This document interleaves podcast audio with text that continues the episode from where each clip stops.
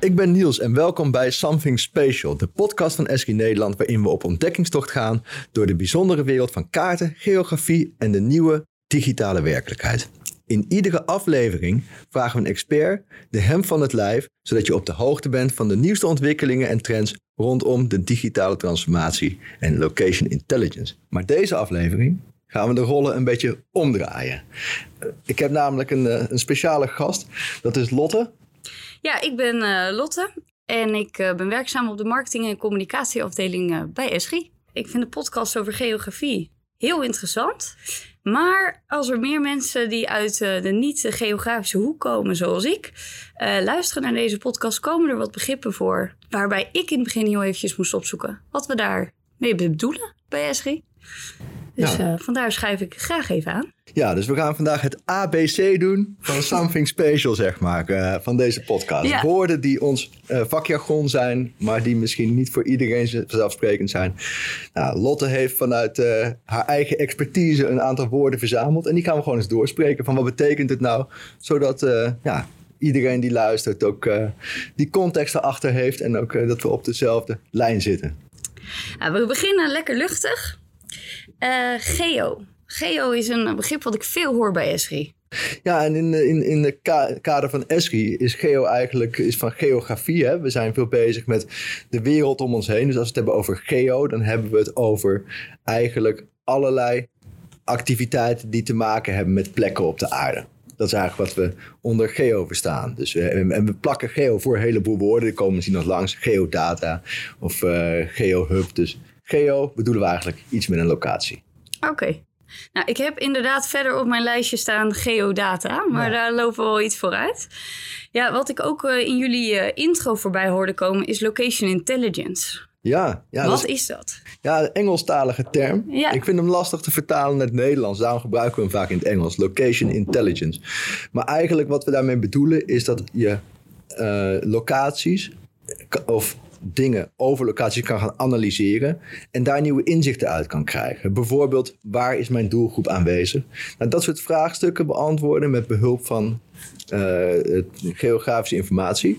Dat noemen we location intelligence. Uh, en dan wat ook voorkomt is spatial. Ja, spatial, uh, dat is, als we het vrij vertalen, is ruimtelijk. Hè? Uh, dus uh, spatial data, dat is eigenlijk hoe wij vaak in de Engelse variant van wat wij vaak geo noemen. Dus ruimtelijke data. Oh ja, precies. Dus, spatial is, is special voor ons. Hè? Dus ja, ruimtelijk zou ik zeggen. Ruimtelijk, oké. Ja. Ja, en dan denk ik dat dit daar heel erg met geo en spatial te maken heeft, namelijk GIS. GIS, ja, we komen bij de afkortingen volgens mij. Ja. GIS staat voor, ja, er zijn meerdere verklaringen voor deze afkorting. Het is een afkorting en het is Geografisch Informatiesysteem. Uh, kun je zeggen. Of je hebt ook wel Geographic Information System. Uh, sommige mensen zeggen ook het is Geographic Information Science. Dat heeft meer te maken niet met het systeem, maar met het vakgebied waar we het over hebben. Um, en ja, het is eigenlijk uh, enerzijds gewoon het, het, wetenschappelijke vakgebied wat zich uh, bezighoudt met uh, het, het opslaan van data over locaties in een database, de analyse op doen, kaarten maken, et cetera. En anderzijds de techniek die daarvoor gebruikt wordt, dat is GIS. Nou, dan volgens mij nog zo'n uh, afkorting, BIM. Ja, BIM is ook een afkorting die ook weer meerdere uitle uitleggen heeft. Dus en, en, uh, BIM heeft meer te maken met de bouwwereld. Uh, en ehm, vaak wordt het gezegd als Building Information Model. dus een bouwwerk-informatiemodel. Ja, enerzijds kan BIM een product zijn, een 3D-tekening van een gebouw. Ja. Anderzijds kan BIM ook een proces zijn, waarin je eigenlijk de stappen in het bouwproces vastlegt in een digitaal proces.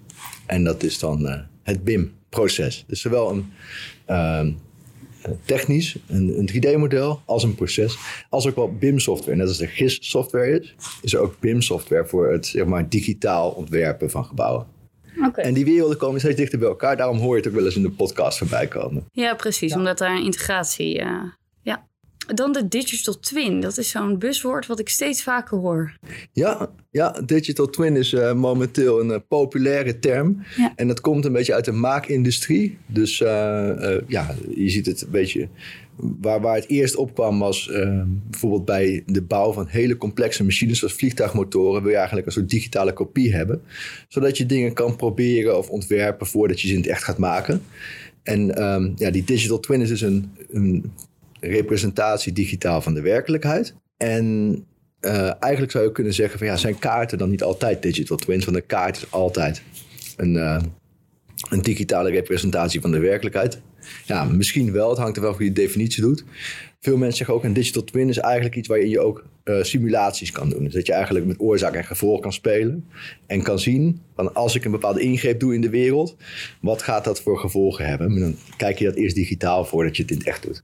Precies, dus ja. per persoon kan digital twin nog wel een beetje de definitie iets, ja. uh, Ieder iets anders heeft zijn eigen digital twin. Precies. Ja.